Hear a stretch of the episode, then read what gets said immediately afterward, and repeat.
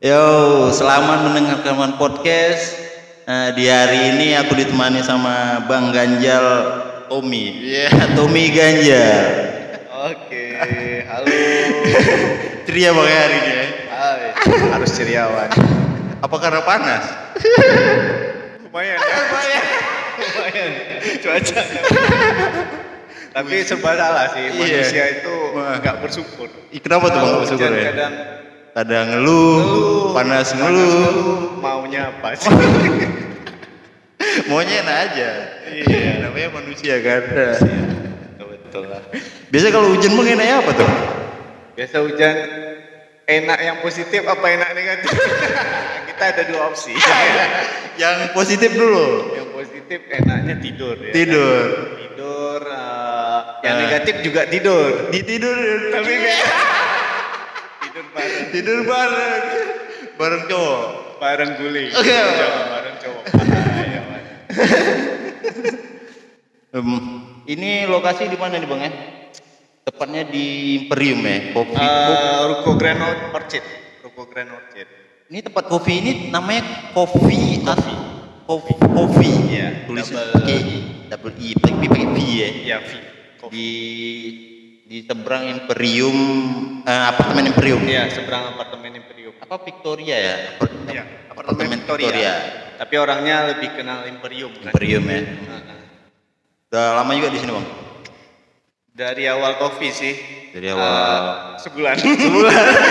lama kali tuh sangat lama Iya, kebetulan kopi ini kan baru berdiri satu bulan. Satu bulan. Tanggal 19 Februari openingnya Hmm. kemarin. Dan Itu openingnya bang ada musik-musikan juga. Enggak, enggak. Nah, ya openingnya agak sedikit formal. Agak sedikit formal ya. Tapi enggak ada musik-musikan. Hmm, Enggak tahu nih mudah-mudahan ke depannya ya. ya semoga ya. Nah, kalau juga eh, juga teman-teman ini juga pada belum tahu kan eh, kopi ini. Iya benar. Karena yang pertama mungkin karena lokasi ya. Eh, tapi sebenarnya nggak masalah. Kita mau Masalah. lokasi di mana pun ya kalau brandingnya bagus ya kan. bakal Ada, naik, iya. naik di permukaan. Jadi sekarang bang eh, eh, kembali lagi ke dunia perkopian. Iya. Setelah satu setengah tahun ya aku nggak masuk ke bar. Di karena itu sibuk di kembali ke habitat aku di sepeda. sepeda ya. BMX tuh bang ya? BMX. Aku BMX, fokusnya konsentrasinya di BMX, Hmm. tapi aku juga main kayak downhill, Downhill. MTB. Itu kalau di Batam main downhill mana bang?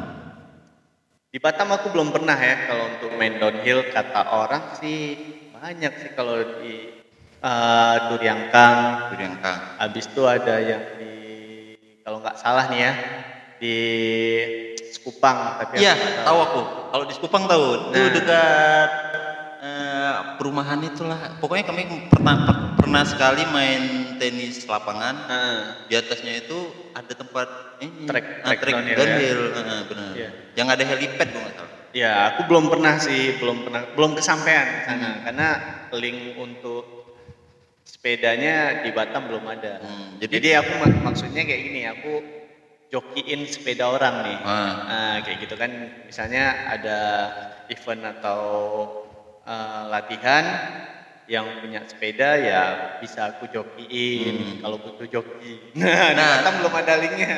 Terus bang, kalau BMX itu di sini triknya main di mana? Kalau BMX aku sebiasa sih di alun-alun ya, Di di, alun-alun. skatepark. Tapi kadang-kadang aku lebih suka ke jalan. Uh, nyetrit atau keliling uh, kota nyari-nyari spot. Terus itu sendiri atau ada komunitasnya juga? Oh di Batam ada komunitasnya. Batam itu komunitasnya Batam BMX. Batam BMX. Ah, di Instagramnya Batam underscore BMX. Nah, Nah, abang termasuk membernya juga? salah satu membernya. Oke.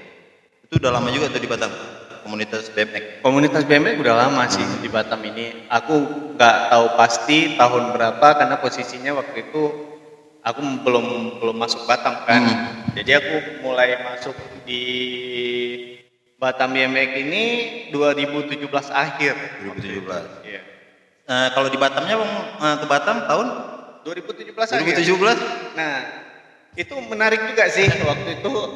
Apa aku tuh? ke Batam tuh cuma iseng-iseng aja. iseng ya Ah, iseng Karena aku orangnya suka ke mana-mana dari Oh. dulu. Itu karena BMX juga.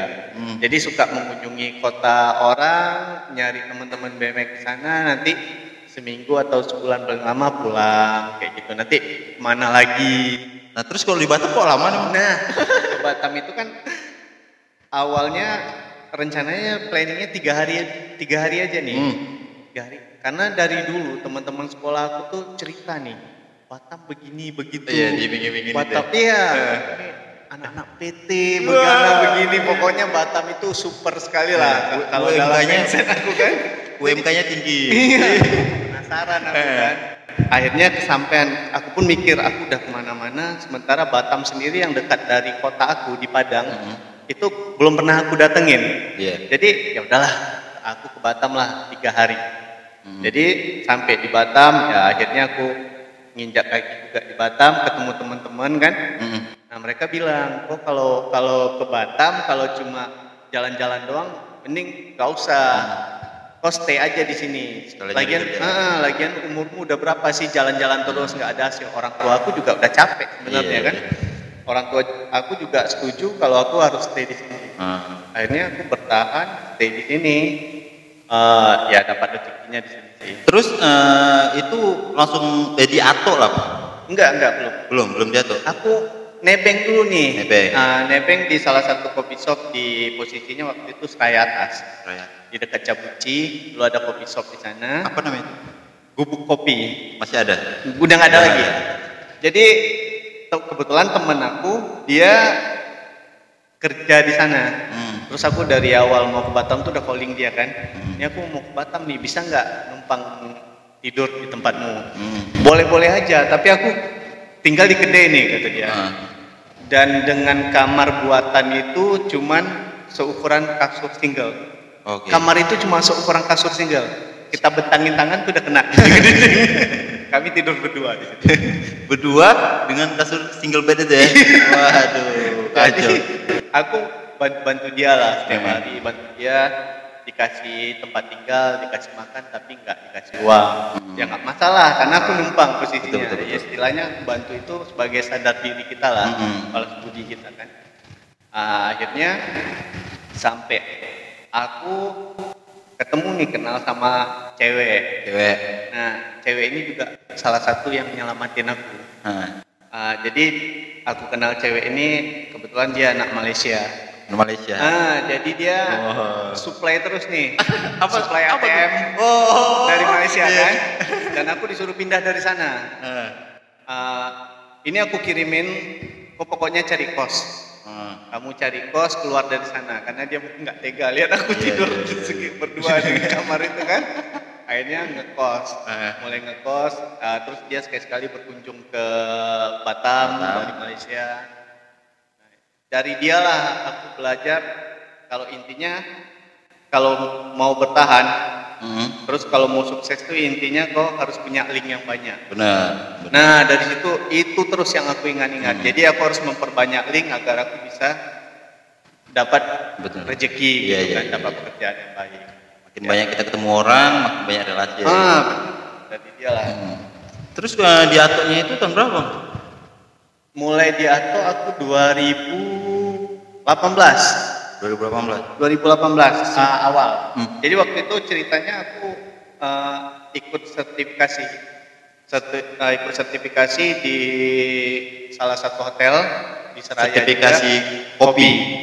Dan di situ aku kenal dengan manajer aku ini. Hmm. Jadi kenal dia nanya kamu kerja apa? Waktu itu aku bilang ya saya lagi nganggur pak. Hmm. Gitu kan. Nah saya kebetulan mau buka kedai kopi Mau buka kedai kopi saya mencari orang yang benar-benar mau ikut dengan saya dari nol. Hmm. Dia bilang gitu kan. Oh aku siap pak. Dalam pikiran aku ya udahlah daripada nganggur ini udah Iya, ada iya. gambaran pekerjaan. ini ada satu pintu nih ya Nah, oke Pak, aku ikut. Nah, sampai akhirnya atau itu proses dibuka, aku ter- termasuk orang pertama juga dari Iya. atau itu Oh, berarti opening atau 2018 juga 2018 awal. Oh, Berarti emang seniornya ya? Nah. Senior Adit sama Hendra. Iya. Bisa dibilang gitu. Jadi ya si bapak ini akhirnya udah ya salah satu orang yang paling berjasa di hidup aku lah Hmm. di Batam karena dari dia aku bisa berubah bisa berpenghasilan yang cukup baik di Batam Terus pas di eh, pas abang udah di perkopian kayak gitu masih main BMX.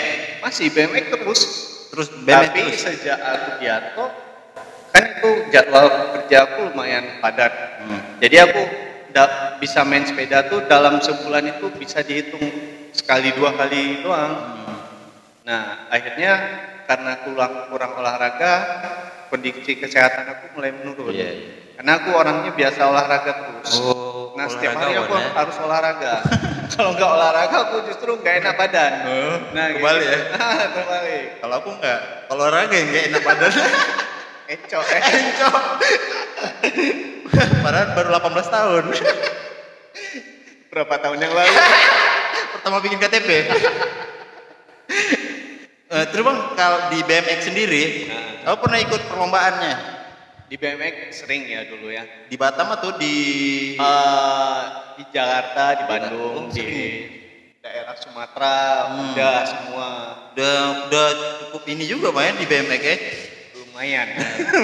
Berarti kalau dibilang personal branding seorang Tommy Ganjel, BMX. BMX bukan, barista. kopi. Bukan, bukan. BMX. Berarti BMX ya. Orang lebih tahunya tuh aku ya orang BMX, bukan BMX. orang kopi. Dan aku pun kopi ini sebenarnya bukan sebagai apa ya? Bukan sebagai ini aku barista nih, Oh. keren-kerenan enggak. Nah. Aku kopi itu hanya pekerjaan, Kerja. Passion ya. Kalau bahasa orang passion bilang aku passion. sebenarnya di Di BMX, BMX. bukan di kopi. Tapi aku berusaha profesional di pekerjaan aku sebagai Sebagai barista. barista. Tapi aku tidak tidak nyebut diri aku barista juga sih sebenarnya. Karena barista itu kata-kata yang terlalu berat menurut aku. Tapi kerjanya aja di Pekerjaan di kopi. bikin minuman. Bikin Nah, minuman. Kalau, kalau orang sebut ya barista. Barista. Tapi sebenarnya BMX. BMX sebenarnya di BMX.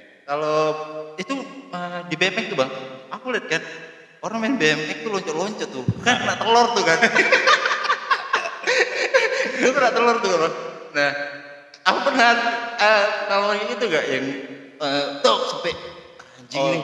kalau masalah bagian itu ya Ah, sering Sering. sering Wan. tapi kadang udah nggak terlalu sebenarnya sakit, cuman Sakit. karena kita udah biasa ah. ya udah biasa aja kayak gitu loh Aku kan eh, ngelihat aja, anjing orang main BMX ini nggak sakit telur ini lu. Tapi sampai ada satu brand Ah. ngeluarin produk itu pelindung telur pelindung telur, ya dia kayak berbentuk sempak kayak gitu kayak Jadi- sunat, bukan? bukan dia kayak sempak tapi pus- keras Oh, kema- Itu- aku juga sunat dulu kemarin ada dikasih eh, dibeliin sempak gitu. oh nggak tahu Nah, dia kayak gitu posisinya nah jadi itu untuk memang untuk ngelindungin alat vital kita untuk melindungi, melindungi si ini ya, Nah, tapi ini aku ya. nggak nggak nggak nggak suka sih pakai itu karena ngehambat pergerakan kita Oke oke. nggak nyaman Iya. ya udah kalau kena ya aja sakitnya Tapi itu sakitnya nggak main-main tuh bang. iya itu sak napas nih bener bener bener. bener. Itu kena bola wah Parah. kacau. Ini geletak geletuk geletak geletuk gitu. Wah, berarti tapi kalau memang udah udah udah hobinya di sana sih nggak nggak ada nggak ada masalah lagi hmm, dengan resiko-resiko cedera yang kita hadapin kan mm-mm. ya karena kau berani berbuat ya berani tanggung jawab kayak gitu aja dari kelas dari umur berapa sih bang BMX? aku mulai tertarik ke sepeda ya sebenarnya dari kita, semua anak-anak ini dari kecil udah suka sepeda Iya. kan tapi aku mulai menggeluti mulai ikut pertandingan itu kelas 6 SD 6 SD. 6 SD itu sekitar tahun tahun 97 98 97 98 ya. Iya. Masih berapa tahun aku tuh?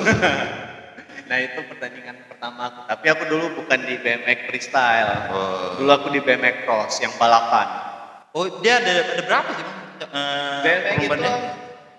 BMX itu banyak banyak kategori ya banyak cabang. Kalau BMX freestyle itu dia ada kategori street, Hmm. ada kategori park, ada kategori dirt jump, ada kategori vert kayak gitu. Waduh. Nah, dan lain-lainnya Nah. gitu kan. Kalau BMX yang lain ada BMX cross namanya. BMX cross itu yang balapan. Terus yang abang geluti BMX apa? Sekarang ini freestyle. Freestyle aja. Dari BMX cross aku mulai beralih ke freestyle tahun 2007. Hmm. 2007 aku mulai ke freestyle pas kuliah. Terus eh, main BMX itu susah tuh bang freestyle-nya. ya. Untuk dapatin satu freestyle itu eh, Satu eksperimen trik eh, satu trik itu berapa lama kira-kira bang bisa nembus satu trik? eh, satu trik? Sebenarnya kembali ke niat tadi. Hmm. Nah, kalau dia memang benar-benar sungguh-sungguh pengen belajar, nggak akan lama karena dia nguliknya pasti Karena gini bang, kalau kita ngulik eh, lagu ya, kan nggak sakit. ya. kalau kita ngulik freestyle, eh, Sakit. skate autoboard itu sakit kan? Sakit. Jadi di situ nyerah, kayak nyerah lagu. Nah, sebenarnya kalau nyerah ada itu memang kita manusia Nah. bakal ngalamin seperti itu kan. Di saat kita nyerah, di situ kita harus istirahat. Hmm. Istirahat eh, atau kita coba trik yang lain. Misalnya gini, kita mau ngulik trik A, Hmm. kita udah ngulik nih, tapi nggak dapat-dapat juga. Nah, di saat kita nggak dapat, cobalah kita ngulik yang B. Mana tahu yang B duluan yang dapat. Nah, baru kayak kalau gitu udah kelar, baru kita nyari nyoba lagi trik baru yang nyoba ini. lagi yang. Oh. kayak gitu. Jadi memang nggak bisa dipaksain. Kalau kita paksain di satu trik aja, kita bakal bosan. Hmm. Dan bosan dan akhirnya nggak mau lagi. Nah, rata-rata yang aku lihat orang-orang pengen belajar kayak gitu, terus dia berhenti ya karena pertama niatnya nggak sungguh-sungguh. Oke. Nah, yang kedua ya bosan tadi karena dia nggak tahu cara memilahnya seperti apa. Dari trik eh, itu tadi freestyle ya bang? Freestyle. freestyle. Kalau yang cross sendiri itu eh, ada teknik yang susah juga kan bang? Kalau cross itu sih setahu akunya. Kalau cross itu lebih ke tenaga aja. Tenaga. Karena kita balapan. Ah. Siapa yang dulu sampai ini?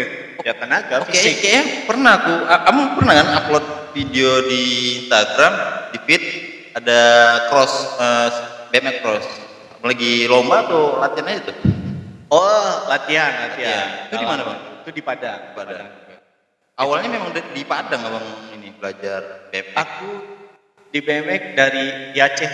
di Aceh, Karena aku lahir besar di Aceh. lahir di Aceh, Besarnya besar di Aceh. lahir besarnya di Aceh. Hmm. Orang tua aku kan orang Padang nih dua-dua. Cuman dulu mereka sama-sama merantau ke Aceh. Heeh. Wah, bapak aku tamat kuliah ke Aceh, eh, kerjaan pertamanya di Aceh. Mhm. Mama aku kebetulan dari kecil itu udah dibawa kakaknya ke Aceh. Jadi mereka ketemu di sana, kami lahir. Terus ke, di Padangnya Pindah ke Padang tahun 2000 akhir saat konflik lagi gencar-gencarnya waktu itu. Lagi masa-masa gam Mhm. waktu itu. Ah, kami pindah ke Padang. pindah ke Padang. Berarti di Padang lumayan lama di rumahnya. Di Padang ya sampai sekarang. Sampai Orang tua aku sampai sekarang. Dari Abang dua- tahun 2017 lah ya, baru ke Batam. 2017, ya. Kenapa milih BMX? Kan banyak tuh bang. Ada apa? eh, sepeda gunung, Iya. ada sepeda-sepeda yang nyantai banyak di Iya, jalan raya. sepeda lipat ya. Nah, sepeda lipat. Ya, sebenarnya udah karena itulah, karena udah bawa bawaan hobi dari kecil ya. Aku memang udah senangnya di BMX dari kecil, terus sampai gede terus ke bawah. Tapi banyak sih orang orang-orang yang ngelihat aku sampai sekarang main BMX malah kayak ngejek gitu. Nah, Oh udah tua nggak sadar diri kok ya, gitu kan masih main sepeda kecil kan dianggap itu sepeda kecil kan. Ah itu pandangan orang Ah. sih. Ah, terus orang tua aku juga di Padang tuh yang lucu ya. Di Padang tuh aku punya komunitas, mhm, aku punya ah, anak-anak BMX itu, mhm. itu kecil-kecil semua. Mulai dari SMA, SMP, SD. Jadi kalau kami pergi, rata-rata mereka ke rumah aku dulu tuh. Bang, ayo latihan, latihan bang. Nanti pas jalan, itu aku sendiri yang tua. Anak-anak semua. Mama aku sampai marah-marah. Kau anak orang ke bawah-bawah. Nanti marah orang tuanya patah-patah. Eh kan nggak apa kan baik ya. Iya, aku bilang, nah mereka yang datang sendiri dan mereka yang mau sendiri. Hmm. Kalau mereka sudah mau sendiri, berarti resikonya mereka yang tanggung sendiri. Iya. Aku pun nggak mengajar, posisi aku nggak ngajar mereka. Hmm. Aku main, mereka ikut main. Oke. Resiko tanggung sendiri Iya. dong aku bilang gitu Kecuali Pajak aku ditanggung pemenang. Nah, kecuali, kecuali aku buka BMX school Hmm. sekolah BMX terus mereka cedera ya aku tanggung jawab karena mereka bayar aku untuk melatih ini aku nggak nggak nggak dibayar Tapi boleh juga tuh membuka itu, Bang. dulu banyak sarannya kayak gitu cuman kalau untuk bukan untuk daerah kita aja untuk se Indonesia susah Susah. kalau kita buka BMX school yang pertama eh, yang pertama BMX ini biayanya lumayan gede Oke. karena sepeda yang kita pakai juga bukan sepeda yang biasa pada umumnya Standar sepeda BMX yang bisa untuk eh, freestyle itu kisaran berapa tuh? tergantung kalau harga tergantung tergantung lagi kembali kepada spare part apa yang akan kita pakai Abang sendiri, maksudnya ini sepeda eh, pas lah untuk untuk abang pakai lah. kalau minimal ya kita hitung minimal aja Hmm. untuk pemula untuk pemula itu minimal bisa kisaran harga 3 jutaan 3 jutaan Minimal. Kalau untuk yang abang sendiri yang udah pernah ikut lomba, Nah, tergantung juga ada yang kalau untuk kayak biasa aku pakai ya. Hmm. Biasa aku pakai tuh di kisaran harga sepuluhan. 10 juta ya? Ya. Itu aku mau sampai ngorbanin motor tuh. Iya. Aku jual motor, beli sepeda. Beli sepeda. Karena waktu aku tinggal di Bali 2011, sepeda aku sempat kejual di sana. Terus aku mau beli lagi secara online, aku ketipu. Akhirnya nggak punya sepeda. Terus aku tahun satu setengah tahun aku sempat nggak nggak punya sepeda. Aku balik ngeband, Boleh ngeband. balik ngeband lagi dan eh, balik ngeband lagi waktu itu diajak teman kan. Awalnya aku nggak mau, aku nggak mau nih ngeband karena aku main sepeda. Di saat aku nggak punya sepeda, ayo aku mau ngeband. Ah, Pelarian ya? aku ngeband Di mana tuh bang ngebandnya? di Padang. Pada Ah, itu kami ngeband waktu itu sempat udah ngeluarin EP. IP. Udah 5 atau 6 lagu tuh? lima lagu, 5 lagu. lima lagu EP itu Apa tuh? Genre apa? popang. Popang. Ah, itu waktu itu kami sempat tembus ah, apa? Mel Wanted. Hmm. Ya, Mel Wanted waktu itu di Pekanbaru itu barengan Gesa. Bisa. Itu sebelum 420 terbentuk. Tahun berapa tuh? 2012.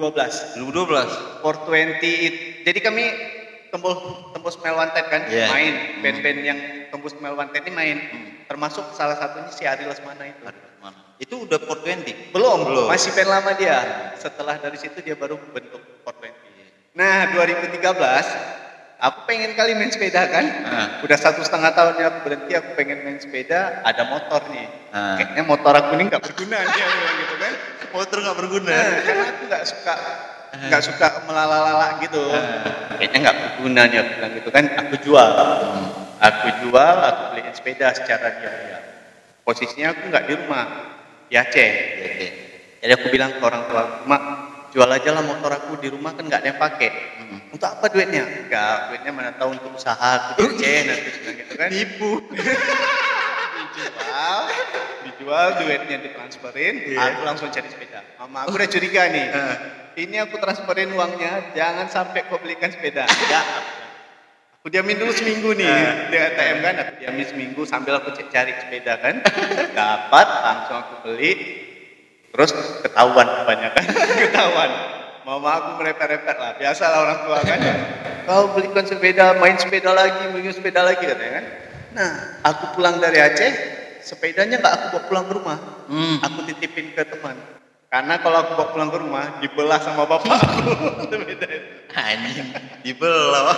Kayak bola. Aku bawa pulang, Wan. Nggak aku bawa pulang. Jadi, sampai akhirnya waktu itu ada kompetisi di Pekanbaru. Hmm. Kompetisi BMX Pekanbaru, aku berangkat.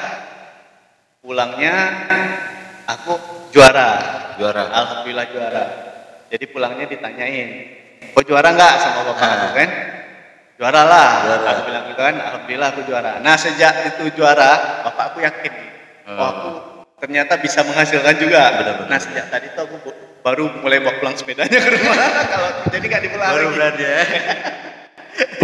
Nah, itu abang pernah punya BMX ada berapa? Ada atau pernah punya koleksi BMX banyak? Oh enggak, aku biasanya ganti-ganti aja. Ganti-ganti. Misalnya uh, yang ini udah nggak layak lagi, biasanya aku ganti frame-nya aja. Hmm. Nanti upgrade beberapa spare part lain seperti stangnya, Hmm. bannya, kayak gitu. Berarti, tapi sekarang masih ada ya? Masih, masih, masih. Sekarang ya aku berhenti dari kompetisi itu 2014. Itu udah vakum dari kompetisi. Nah, tapi aku masih terus main. Karena aku 2014 tuh aku pernah terakhir ikut kompetisi itu aku kalah sama yang muda-muda. Jadi kata kawan aku sudahlah. Kau tak usah lagi main kompetisi, gak sadar diri kau Bener, katanya bener, kan. Jadi aku berhenti kompetisi tapi aku masih tetap. Emang kalau kompetisi gitu ada batas umur ya, Bang? Gak ada sih sebenarnya. Ada ya? Cuman kita udah merasa kalah. Kemampuan kita udah Iya, pasti iya, kalah iya. sama yang muda-muda. Karena dari tenaga juga kita pasti udah Terus yang muda-muda kebanyakan lebih fokus ya. Ya, karena mereka masih membara gitu Ah, kan. Masih ambisiusnya kuat. Ah, mereka enggak karena kalau di umur sekarang Wan, kita jatuh dikit, itu sakitnya lama. Hmm. Beda kalau kita masih di bawah 30-an. Di bawah 30-an tuh kita mau sakit kayak mana pun, kita aman aja.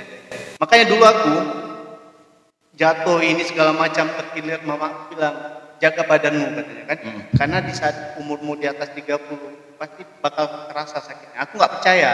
Ah nggak mungkin. Tapi sekarang semua kenyataan.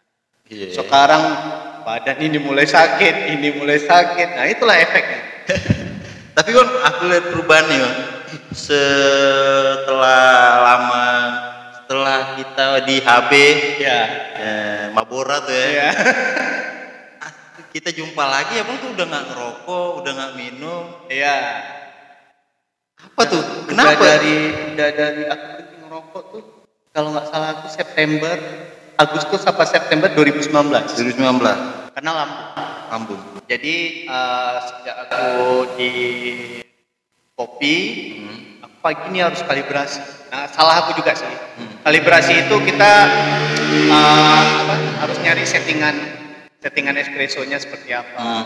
Jadi kan harus ngopi terus nih Hmm. untuk cicip sampai kopi itu memang benar-benar enak dan Hmm. layak untuk kita jual. Oke. Nah, jadi aku kalau masuk pagi aku harus kalibrasi, kalibrasi, kalibrasi, nge-shot terus espresso kan, nge-shot espresso sampai akhirnya ngerokok. Nah setelah ngopi, ngerokok, makan kan nggak nggak Hmm, kepikiran iya, karena betul. kita udah udah kembung gitu kan. iya kayak ngerasa kenyang gitu ya. Nah, Males merasa makan. kenyang. Jadi aku makan sore terus. Jadi sore terus setiap harinya seperti itu. Akhirnya lambung aku kena dan aku udah di warning sama dokter waktu itu kan Oh. pas di warning dokter aku nggak denger Hmm. nggak nggak dengerin omongan dia ah ah, nggak mungkin pak Nah, kan katanya kamu harus berhenti nih eh, tiga bulan ngopi karena kamu kayaknya ada bermasalah ah nggak mungkin lah aku berhenti ngopi aku bilang kan aku kan tukang buat kopi nggak mungkin aku berhenti ngopi Iya. ego kan malah sih merasa ego sosokan tiga bulan kemudian eh, masih merasa, sakit aku balik lagi pak kayaknya lambung saya masih sakit nih. Nah kan saya sudah bilang kamu nggak percaya. Tapi saya udah berhenti ngopi kok pak. Kan aku udah berhenti ngopi, aku udah berhenti makan mie, makan pedas segala macam. Itu tapi masih sakit pak. Terus ya itu lambung kamu tuh udah bermasalah dikasih obat. Tapi aku tetap nggak percaya. Kayaknya ini ada sakit yang lain. Oke. Terus salah satu customer aku pelanggan aku jatuh waktu itu ibu dokter. Dia dokter di Embong Fatima. Aku bilang, bu saya ada keluhan ini ini. Saya mau cek ke Embong Fatima. Saya Hmm. mau pengen check up apa? Oke datang aja. Aku datang ke penyakit dalam. Karena aku pengen tahu apa sih sebenarnya sakit aku. Iya. Pas di penyakit dalam aku bilang, Pak keluhan saya ini ini ini. Tapi saya udah berhenti ngopi, saya udah berhenti ini berhenti ini gitu kan. Nah, iya sakit kamu nggak ada yang lain, cuma lambung aja. Berarti Tapi memang saya- benar lambung. Iya, tapi saya udah berhenti segala macam ya Pak. Tapi kamu masih merokok katanya gitu kan? Masih Pak. Nah itu dia. Padahal aku baru beli rokok kan, baru beli rokok, baru aku hisap di batang, pulang dari rumah sakit aku buang, aku langsung berhenti merokok. Ngaruh juga bang ya, ke lambung rokok. Iya, pengaruh. Aku awalnya nggak percaya. Kok nggak mungkin Pak? Kan rokok itu asap. Ya, tapi pengaruhnya ke lambung. Atau memang si rokok ini jadi kambing hitam aja. Nggak tahu juga sih. ya. Nah, itu aku berhenti merokok di situ. Karena aku juga asam lambung bang. Aku juga asam lambung. Tapi masih minum. Enggak, aku udah udah udah lama sih nggak minum. Udah bisa dibilang vakum lah. Apalagi nih mau belum puasa kan, udah, udah stop dulu lah. Stop dulu ya. stop. Nah, gara-gara jatuh juga kemarin kan. Itu memang tapi bahaya juga sih lambung. Ya. Aku dulu lambung itu selain kopi juga ya alkohol dulu Hmm. juga. Ya lebih parah alkohol sih. Nah, karena dulu kan zaman kuliah memang ya zaman masih kita nyetrin nyetrin Hmm. kayak gitu kan Nah, masih zaman pang-pangan dulu Iya. lah alkohol Eh. bayangin alkohol murni itu Eh, nah itu setiap hari konsumsi alkohol es batu air campur sedikit kuku bima Wah, itu sedap kali Wah. Sedap betul ya. mabuk murah modalnya cuma lima ribu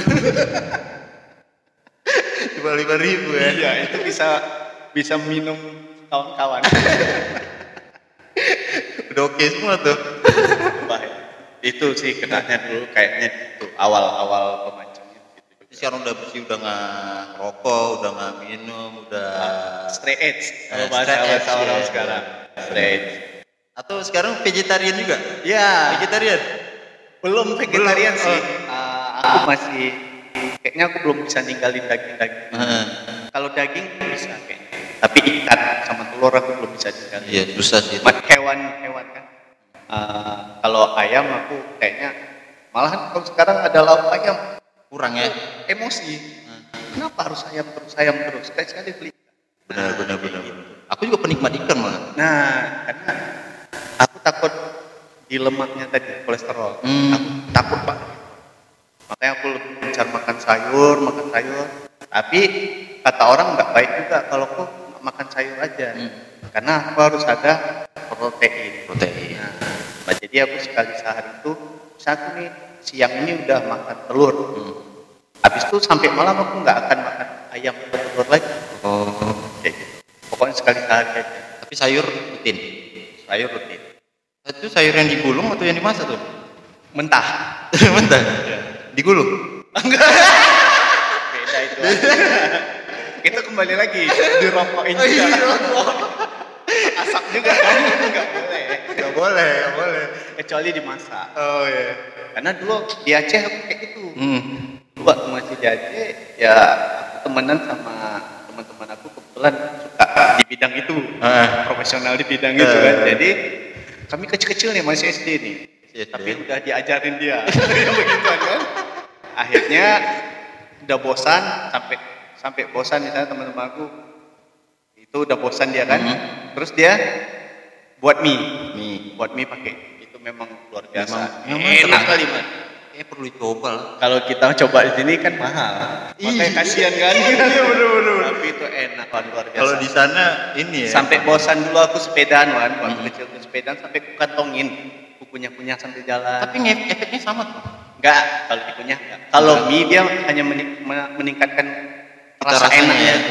Makanya kalau orang nikahan Hmm. di acara kawinan di Aceh, Oke. itu di gulai-gulai kambingnya tuh luar biasa tuan. Karena itu Mantap ya. Nah, makanya gulai kambing orang Aceh itu biasa lah. Mie Acehnya juga.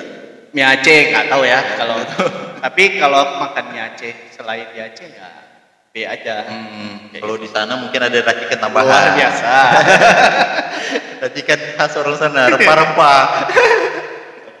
tapi sayur ya, kembali ke sayur tadi sih. Hmm. Aku biasa kalau sayur mentah. Aku lalap mentah. Enak bang. Awalnya nggak enak. Maksudnya kalau sekelas kangkung, bayam, Oh enggak. oh enggak. Eh, lala- jenis lalapan, aja Lalapan. kayak misalnya terong hijau, Brokoli, Eh, brokoli tetap direbus. tetap rebus. Uh, terus uh, kalau brokoli kayak kangkung aku belum berani untuk mentah Hmm, ngeri karena kan? ya masih ngeri aku paling lalapan itu kayak kecipir Cipir, wah mantap tuh, Ah, cipir. itu luar biasa Itu kan mantap tuh kecipir. Ah, kasih cabe terasi sedikit Ah, mantap. di- ada tahu sama tempe. Wah, ini enak kali kecipir.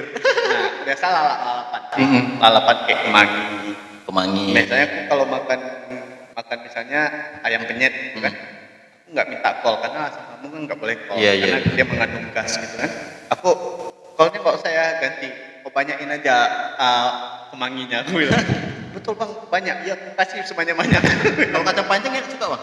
suka Enak tuh kacang panjang Ya, tuh tapi yang dicocok. muda. Iya. yang muda ya Kalau yang udah tua kan udah nggak Udah bisa. lembek dia, Nah, enak. udah nggak bisa beraktivitas. nah lebih gencar makan sayur sih untuk menetral badan aja. Dari racun-racun yang lama. Racun-racun yang lama. tapi lebih menjaga kesehatan. Justru sebenarnya kemarin itu aku udah udah udah nggak mau lagi nih bergelut di dunia kopi.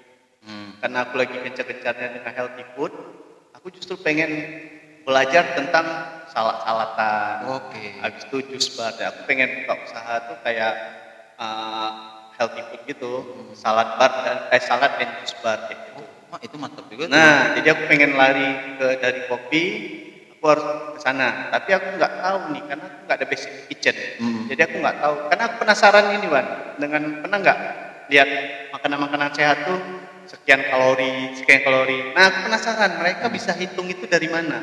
Bener-bener. Nah, aku justru pengen belajar itu. Sampai aku kemarin nekat waktu aku sempat belum belum kerja di sini, aku nekat sampai ngelamar minta pekerjaan di salad bar, salah satu salad bar di Batam, Di mana tuh bang? di salad bar Addiction di Grand Mall. Jadi aku nekat nanya karena saya aku bilang saya bukan nggak ada basic uh, kitchen. Saya ini background saya barista, tapi saya pengen belajar tentang salad karena saya lagi pengen dalamin tentang healthy. Oke. Waktu itu slotnya lagi penuh, nggak ada. Akhirnya kembali kembalinya ke kopi lagi. Makanya aku bilang setelah satu setengah tahun, inilah pertama aku kembali ke bar lagi. Jalurnya kopi-kopi lagi. kopi lagi. Tapi nggak apa-apa, aku bilang Oh, mungkin rezekinya di sana, tapi mungkin ya suatu saat side-nya aku bisa bangun usaha tentang food gitu. Oke. Pelan-pelan bang, ya Iya. kan. Sekalian belajar-belajar, men- mendalami sampai aku pengen belajar hidroponik loh kemarin. Waduh. Iya, karena kita jual salad hasil dari kebun sendiri. Bener, kan? bener, bener, bener. Gokil kan? Nah. Nah, aku pengen sampai belajar hidroponik. Pak, aku kalau dari YouTube aja nggak nggak cukup ya. Harus ada mentornya ya. Nah, aku harus cari nih gimana hidroponik terbesar di Batam. Aku pengen belajar. Udah nemu? Belum. Atau yang nggak terbesar lah, atau ada Ya, ada misal misalnya ada hidroponik Hmm. di mana aku bisa belajar. Tapi udah Ya, udah bang datangin? Belum ada. Karena belum ada waktunya. Hmm. Karena aku pergi pagi, pulang malam, pergi terang, pulang gelap kayak gitu terus. Terus bang habis pulang langsung Nggak tidur, nongkrong. nongkrong. Aku pulang jam 8 atau Nah. jam 9. Biasanya aku eh, ke teman-teman dulu. Hmm. Biasanya di mana tuh bang?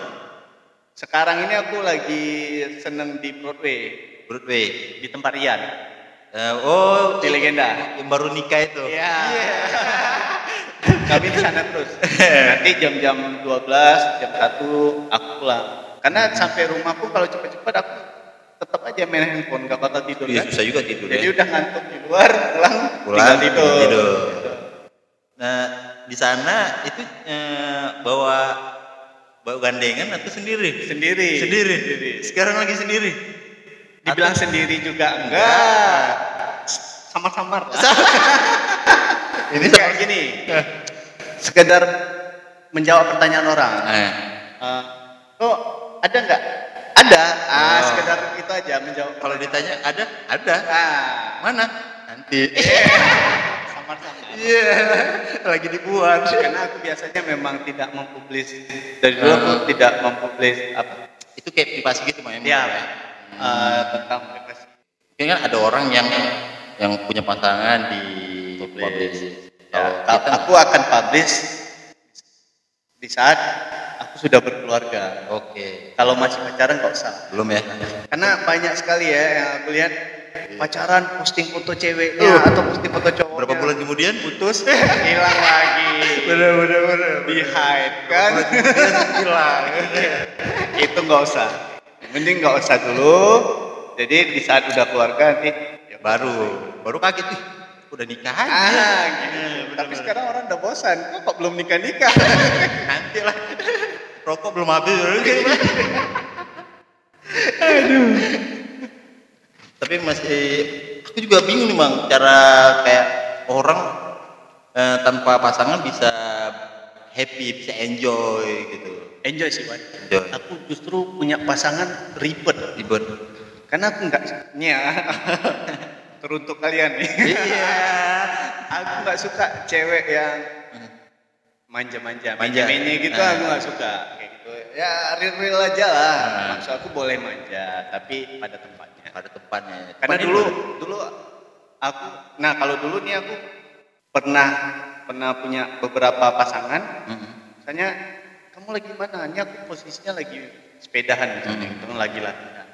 Aku lagi main sepeda nih. Kamu kok main sepeda pulang sekarang? Enggak, aku nggak suka. Oh. Kau mau siapa pun, mau kau dokter, mau kau wali kota, tapi kalau kayak gitu silakan. Oke oke. Kayak gitu. Tapi cowok harus kayak gitu sih bang. Ya, karena kita punya harga diri kan. Karena kalau kita takut ke pasangan kita, yang imamnya dia dong. Benar benar benar. Benar benar. Tapi pas pasangan itu istri Hmm. beda ya kalau udah jadi istri. Iya. Istri sekuat-kuatnya kita dalam rumah tangga tetap istri yang paling kuat. Aku dengar kata orang sih begitu. Ya contohnya gini bang. Eh, eh, di eh, jenderal aja. Ya. Yang paling ngeri itu istrinya.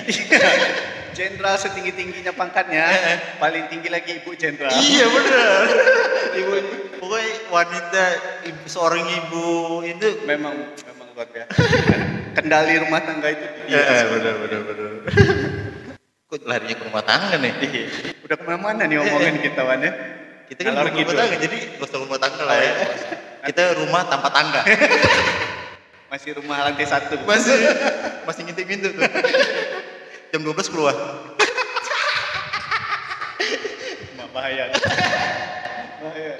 Daerah mana di sini tuh? Check out, soalnya check out habis. Per jam ya. Eh, masih rumah tanpa tangga. Belum rumah tangga. Nah, di kopi, kopi sebutnya bang, kopi, kopi. Di kopi ini kayak eh, cuma satu tempat kopi Eh, di deretan ruko ini. Bang. Iya, satu ya, ba- baru satu. baru satu. Kalau di ujung sana ada? Nggak ada. Belum Setahu ada. aku di sana ada jual tempat minuman aja. Ya. Di sini di beberapa ruko dari sini ada kayak kopi tiam gitu aja. Hmm. Eh, karena ada ada stand-standnya. Ya biasa standar kopi tiam. Kalau yang coffee shop eh, specialty coffee ya di deretan ini baru kopi aja. Terus tempatnya aku juga tadi kan ini benar nggak ya? Kayak tempatnya ketutup. Iya benar. Ini kayak Aku aja dulu pas mau ke interview itu sampai salah aku. hmm, Orchid, aku hampir ke orchard. hmm. Wah, Pak. Eh, Cit cat, cit cat kan bedanya itu doang nih. Rupanya Rupanya berarti itu. Eh, Orchard sana? Ya, Podomoro. Podomoro. Iya. Jauh. Cit. Jadi tapi sepanjang dari ini yang aku tahu ya nggak tahu. Kalau jalan ini aja jalur ini dari perumahan Orchid Park Hmm. sampai ke Cimpangkara baru sini spesial. Eh, kopi. Tapi kalau di sana kita ada Imperium sana kan ada Rubeka. UBK. Dulu sama dengan di situ ya. Ya ada sama dengan. Eh, pindah juga sama dengan ya. Jadi bang, sekarang nggak nggak pengen ngeband lagi? Aku- kemarin nih sempat nih aku pengen pengen bikin band lagi. Nah, Eh, salah satunya Dede. Dede. Itu pengen bikin band lagi, tapi aku kepikiran bisa nggak ya aku fokus di situ karena takutnya nggak nggak fokus jadinya teman-teman kecewa. Tapi aku punya keinginan, maksudnya tuh aku pengen, ya aku nonton GIS sekali, aku pengen main di situ. gitu. Bener. Nah, Karena kita kayak kayak enak ya main gitu. Dari dari itu planningnya udah dari 2018 loh kan. Aku pengen bikin band gitu. Tapi ya belum kesampaian tapi sekarang. Kalau nggak gini aja, bikin aja dulu liriknya. oh, lirik. Nah iya sih, cuman kita butuh orang-orangnya dulu nih. Apa tuh kalau mau bikin dalam Biasanya kalau aku apa kemarin pengen bikin ke ke hardcore sih. cocok? Nah, Karena aku juga kemarin eh, gini bang sama kawan kan. Eh, sekarang main hard, main hardcore tuh enak. enak. Nah, Karena dari dulu sebenarnya aku uh, suka hardcore. Uh, Cuman eh, apa ya? Orang-orangnya aku nggak nggak nemu Oke. untuk untuk bisa sejalan ke Anchor kayak gitu. Kemarin ada nih, cuman ya itu waktu kita Oke. yang yang nggak bisa karena waktunya kita sama-sama kerja jam yang sama. Kemarin aku juga eh, podcast sama Bang Di juga pak. Yang kedua ngobrol-ngobrol sama dia juga cerita tentang dia di Padang, band-bandan, Iya. pang-pangan juga. Pampangan. Kayak eh, di Padang nemu juga sama Bang Deo. Nemu. Satu tongkrongan juga. Iya. Oh, Cuman dulu kami belum kenal. belum kenal. Kenalnya pas di Batam. Justru di Padang. Di Padang. Di Padang itu sebelum dia ke Batam. Jadi aku sempat pulang dari Bandung, aku sempat bikin band lagi, Hmm. uh, sempat bikin band punk di Padang. Terus waktu itu kami mau ada gigs. Hmm. Nah, Dede featuringnya. Oh. Aku featuring sama Dede.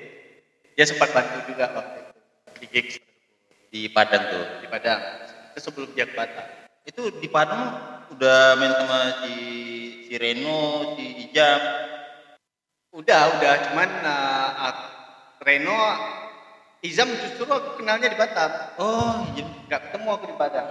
Sama karena dulu 2007 sejak aku main BMX freestyle, aku udah nggak aktif di gigs lagi. Oh. Aku udah nggak pernah ke skena Terus nama Ganjal itu dapat dari mana? BMX. BMX. Itu tim BMX yang aku bangun. Sebenarnya Ganjal itu nama tim BMX. Oh, itu singkatan atau Singkatan. apa tuh? Uh, ganjal itu sebenarnya gerakan anak jalanan. Anak Oh. jalanan di sini bukan berarti anak jalan anjal ya. Anjal. Berarti anjal. Jalannya karena BMX itu berkaitan dengan jalanan. Hmm. Apalagi uh, yang kami main ke street lebih ke street itu kan ya jalan. Yang dimaksud ya itu. Gerakan anak jalan. Ya.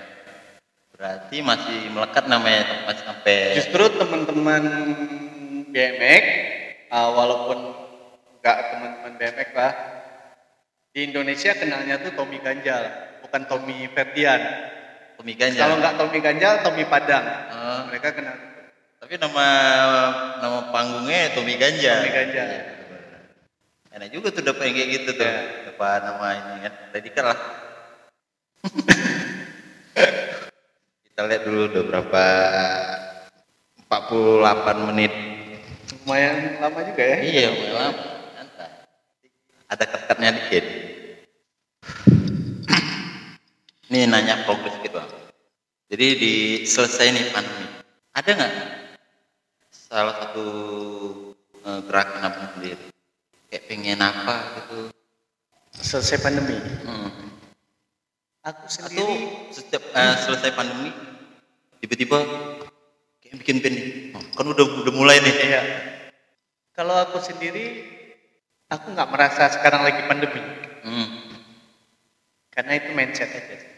Tapi ngaruhnya di ini bang. di- ngaruh memang di kehidupan kita Ah, di ini di penjara. Tapi aku sebenarnya nggak ada planning khusus. Oh setelah pandemi aku harus seperti ini nggak ada. Nggak ada. Jadi aku tetap ada planning walaupun itu setelah pandemi ataupun lagi pandemi. Iya. Aku tetap ada planning ya. Planning aku ke depannya ya, mungkin kembali buka usaha. Coba. Oh iya, lupa sampai lupa. Frontal itu gimana bang? Frontal ya, frontal itu tutupnya karena pandemi. Benar kan? Ngaruh kan? pandemi. Posisinya. Eh, Waktu itu 2020 ya, 2020 awal Januari aku pulang ke Padang eh, karena waktu itu aku lagi prepare mau Liga Sedu, Liga Sedu Rimbun namanya. hmm, Jadi kopi. hmm. Eh, jadi aku harus ke petani, aku harus eh, ke roaster untuk persiapkan kopi yang akan aku perlombakan. Hmm. Jadi posisinya si frontal aku titipin ke teman. Nah, aku titipin ke teman eh, untuk mengelola. Karena sistemnya aku nggak mau ada sistem kita partner nih, bukan atasan sama bawahan. Iya, iya. Jadi eh, ini kedai kopi, kau yang kelola, kau yang cari uangnya, sekolah yang akan mendapatkan hasilnya. Kayak gitu, bagi hasil. Jadi dikelola teman. Sampai akhirnya mulai isu-isu pandemi. pas isu-isu pandemi itu aku posisinya masih di Padang Hmm. karena persiapan untuk Liga Sedo itu waktu itu Maret aku pulang Januari Hmm. itu pun udah telat aku untuk mempersiapkan uh, Liga Sedo tersebut kan jadi pas Maret rupanya orang mulai lockdown mulai lockdown uh, PSBB berlaku Iya. Otomatis orang nggak ada keluar kok nggak ada keluar Masih hangat-hangatnya tuh. Iya, karena awal-awal kan Ah. orang nggak mau kafe, orang nggak mau keluar. Jadi posisinya si frontal waktu itu nggak ada income seminggu. Seminggu nggak ada income, aku kasihan sama yang jaga, otomatis dia nggak bawa pulang uang dong. Iya. Karena nggak ada pemasukan, nggak ada Hmm. income. Akhirnya aku bilang, "Ah, gimana kalau kita tutup sementara? Hmm. kan. Uh, Oke dia sepakat sementara kita coba buka secara online Gojek. Oke. Nah, kebetulan aku uh, numpang di Go, di apa di GoFood teman aku uh, di rumahnya dia. Terus selama PSBB tersebut sewa jalan dong, Hmm. karena aku bayar sewanya per bulan nggak mau per tahun. Oke. Jadi pas bayar saat bayar, awal April aku harus bayar sewa sementara Maret nggak ada income aku negosiasi sama yang punya tempat Eh, ada nggak dispensasi itu segala macamnya ternyata nggak ada Nah, nah, itu berapa bulan buka tuh? enam bulan 6 bulan. Ada nggak rencana mau buka lagi bang?